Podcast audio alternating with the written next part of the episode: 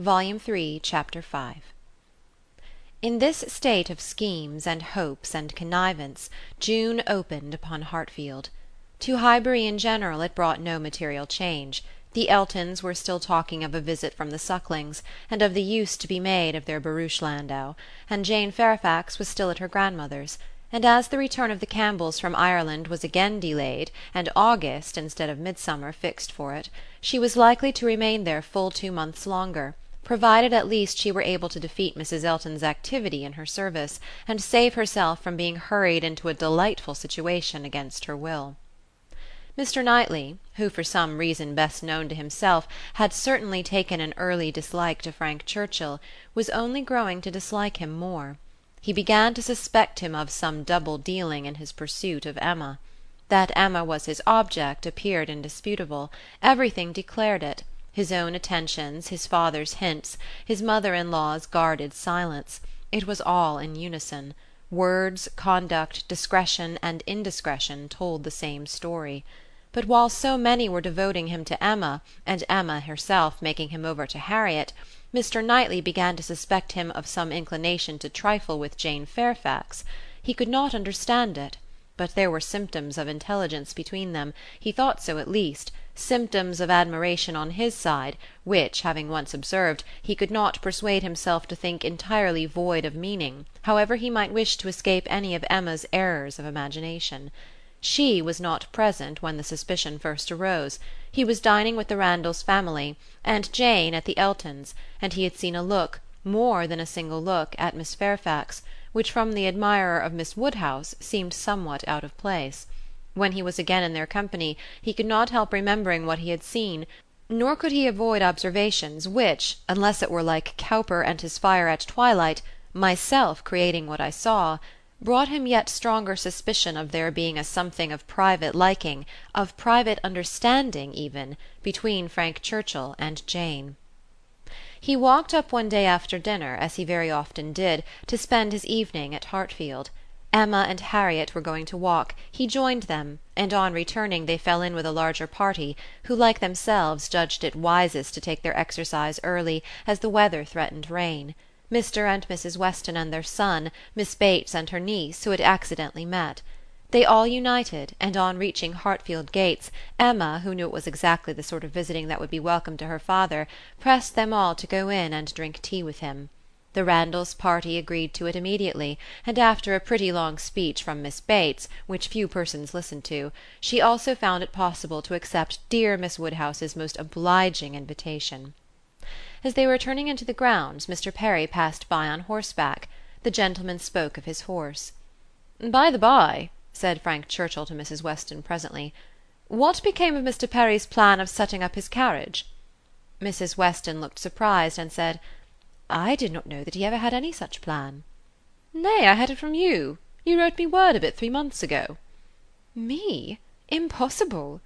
"Indeed you did; I remember it perfectly. You mentioned it as what was certainly to be very soon. Mrs. Perry had told somebody, and was extremely happy about it. It was owing to her persuasion, as she thought his being out in bad weather did him a great deal of harm. You must remember it now." "Upon my word, I never heard of it till this moment." "Never? Really never? Bless me, how could it be? Then I must have dreamt it. But I was completely persuaded. Miss Smith, you walk as if you were tired; you will not be sorry to find yourself at home." "What is this? What is this?" cried Mr. Weston. "About Perry in a carriage? Is Perry going to set up his carriage, Frank? I am glad he can afford it. You had it from himself, had you?" "No, sir," replied his son, laughing. "I seem to have had it from nobody. Very odd.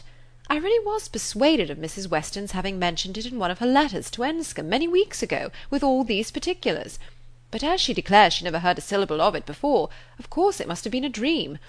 I am a great dreamer; I dream of everybody at Highbury when I am away, and when I have gone through my particular friends, then I begin dreaming of Mr. and Mrs. Perry." "It is odd, though," observed his father, "that you should have had such a regular connected dream about people whom it was not very likely you should be thinking of at Enscombe. Perry setting up his carriage, and his wife's persuading him to it, out of care for his health. Just what will happen, I have no doubt, some time or other, only a little premature. What an air of probability sometimes runs through a dream! and at others what a heap of absurdities it is. Well, Frank, your dream certainly shows that Highbury is in your thoughts when you are absent. Emma, you are a great dreamer, I think." Emma was out of hearing. She had hurried on before her guests to prepare her father for their appearance, and was beyond the reach of Mr. Weston's hint. "Why, to own the truth," cried Miss Bates, who had been trying in vain to be heard the last two minutes, "if I must speak on this subject, there is no denying that Mr. Frank Churchill might have I do not mean to say he did not dream it; I am sure I have sometimes the oddest dreams in the world; but if I am questioned about it, I must acknowledge that there was such an idea last spring, for Mrs. Perry herself mentioned it to my mother, and the Coles knew of it as well as ourselves; but it was quite a secret, known to nobody else, and only thought of about three days ago. Mrs. Perry was very anxious that he should have a carriage, and came to my mother in great spirits one morning, because she thought she had prevailed. Jane, don't you remember grandmamma's telling us of it when we got home? I forget where we had been walking to; very likely to Randalls; yes, I think it was to Randalls. Mrs. Perry was always particularly fond of my mother indeed I do not know who is not and she had mentioned it to her in confidence. She had no objection to her telling us, of course, but it was not to go beyond, and from that day to this I never mentioned it to a soul that I know of. At the same time, I will not positively answer for my never having dropped a hint, because I know I do sometimes pop out a thing before I am aware. I am a talker, you know; I am rather a talker, and now and then I have let a thing escape me which I should not. I am not like Jane; I wish I were. I will answer for it she never betrayed the least thing in the world. Where is she? Oh, just behind. Perfectly remember Mrs. Perry's coming. Extraordinary dream indeed!" They were entering the hall. Mr. Knightley's eyes had preceded Miss Bates's in a glance at Jane. From Frank Churchill's face, where he thought he saw confusion suppressed or laughed away, he had involuntarily turned to hers, but she was indeed behind and too busy with her shawl. Mr. Weston had walked in; the other two gentlemen waited at the door to let her pass. Mr. Knightley suspected in Frank Churchill the determination of catching her eye; he seemed watching her intently. In vain, however, if it were so; Jane passed between them into the hall, and looked at neither. There was no time for farther remark or explanation. The dream must be borne with, and Mr. Knightley must take his seat with the rest round the large modern circular table which Emma had introduced at Hartfield, and which none but Emma could have had power to place there and persuade her father to use, instead of the small sized Pembroke on which two of his daily meals had, for forty years, been crowded. Tea passed pleasantly, but nobody seemed in a hurry to move. "Miss Woodhouse," said Frank Churchill after examining a table behind him which he could reach as he sat. Have your nephews taken away their alphabets, their box of letters? It used to stand here. Where is it? This is a sort of dull looking evening that ought to be treated rather as winter than summer. We had great amusement with those letters one morning. I want to puzzle you again." Emma was pleased with the thought, and producing the box, the table was quickly scattered over with alphabets which no one seemed so much disposed to employ as their two selves. They were rapidly forming words for each other, or for anybody else who would be puzzled. The quietness of the game made it particularly eligible for Mr. Woodhouse, who had often been distressed by the more animated sort, which Mr. Weston had occasionally introduced, and who now sat happily occupied in lamenting, with tender melancholy, over the departure of the "poor little boys," or in fondly pointing out, as he took up any stray letter near him, how beautifully Emma had written it. Frank Churchill placed a word before Miss Fairfax; she gave a slight glance round the table and applied herself to it. Frank was next to Emma, Jane opposite to them, and Mr. Knightley so placed as to see them all, and it was his object to see as much as he could, with as little apparent observation. The word was discovered, and with a faint smile pushed away. If meant to be immediately mixed with the others and buried from sight, she should have looked on the table instead of looking just across, for it was not mixed, and Harriet, eager after every fresh word, and finding out none, directly took it up, and fell to work. She was sitting by Mr. Knightley and turned to him for help. The word was blunder, and as Harriet exultingly proclaimed it there was a blush on Jane's cheek which gave it a meaning not otherwise ostensible. Mr. Knightley connected it with the dream, but how it could all be was beyond his comprehension; how the delicacy, the discretion of his favourite could have been so lain asleep. He feared there must be some decided involvement; disingenuousness and double dealing seemed to meet him at every turn. These letters were but the vehicle for gallantry and trick; it was child's play chosen to conceal a deeper game on Frank Churchill's part. With great indignation did he continue to observe him; with great alarm and distrust to observe also his two blinded companions. He saw a short word prepared for Emma, and given to her with a look sly and demure. He saw that Emma had soon made it out, and found it highly entertaining, though it was something which she judged it proper to appear to censure, for she said "Nonsense! For shame!" He heard Frank Churchill next say, with a glance towards Jane, "I will give it to her, shall I?" and as clearly heard Emma opposing it with eager laughing warmth. "No, no, you must not! You shall not indeed!" It was done, however. This gallant young man, who seemed to love without feeling, and to recommend himself without complaisance, directly handed over the word to Miss Fairfax, and with a particular degree of sedate civility entreated her to study it. Mr. Knightley's excessive curiosity to know what this word might be made him seize every possible moment for darting his eye towards it, and it was not long before he saw it to be Dixon. Jane Fairfax's perception seemed to accompany his; her comprehension was certainly more equal to the covert meaning, the superior intelligence, of those five letters so arranged. She was evidently displeased, looked up, and seeing herself watched, blushed more deeply than he had ever perceived her, and saying only, "I did not know that proper names were allowed," pushed away the letters with an even angry spirit, and looked resolved to be engaged by no other word that could be offered her face was averted from those who had made the attack, and turned towards her aunt. "Ay, very true, my dear," cried the latter, though Jane had not spoken a word. "I was just going to say the same thing. It is time for us to be going indeed. The evening is closing in, and grandmamma will be looking for us.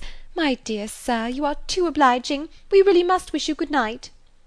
Jane's alertness in moving proved her as ready as her aunt had preconceived. She was immediately up, and wanting to quit the table, but so many were also moving that she could not get away, and Mr. Knightley thought he saw another collection of letters anxiously pushed towards her and resolutely swept away by her unexamined.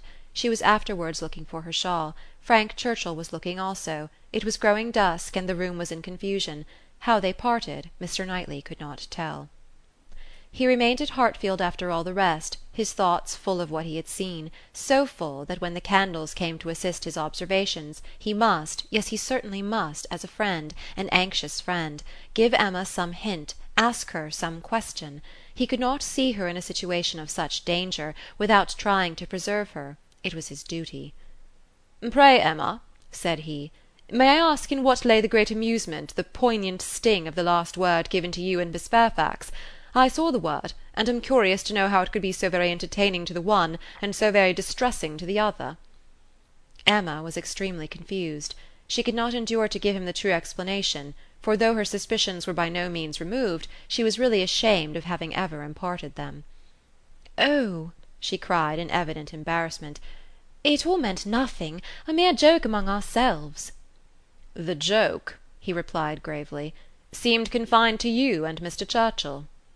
He had hoped she would speak again, but she did not. She would rather busy herself about anything than speak. He sat a little while in doubt. A variety of evils crossed his mind interference, fruitless interference. Emma's confusion and the acknowledged intimacy seemed to declare her affection engaged. Yet he would speak. He owed it to her, to risk anything that might be involved in an unwelcome interference rather than her welfare, to encounter anything rather than the remembrance of neglect in such a cause. "My dear Emma," said he at last with earnest kindness, "do you think you perfectly understand the degree of acquaintance between the gentleman and lady we have been speaking of?" "Between Mr. Frank Churchill and Miss Fairfax? Oh yes, perfectly. Why do you make a doubt of it?" "Have you never at any time had reason to think that he admired her, or that she admired him?" "Never, never!"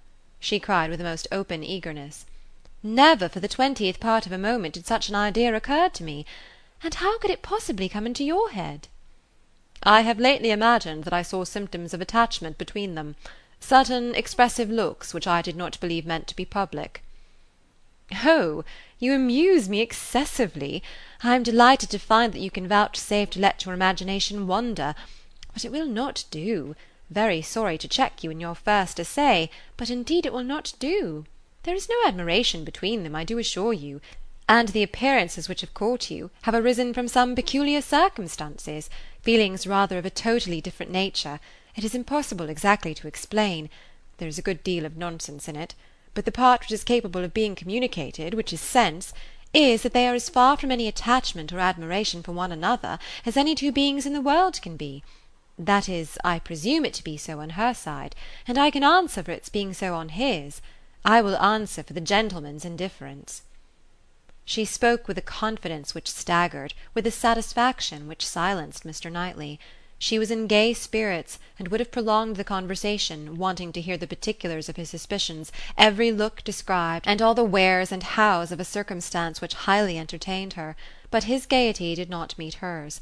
He found he could not be useful, and his feelings were too much irritated for talking. That he might not be irritated into an absolute fever by the fire which Mr. Woodhouse's tender habits required almost every evening throughout the year, he soon afterwards took a hasty leave, and walked home to the coolness and solitude of Donwell Abbey.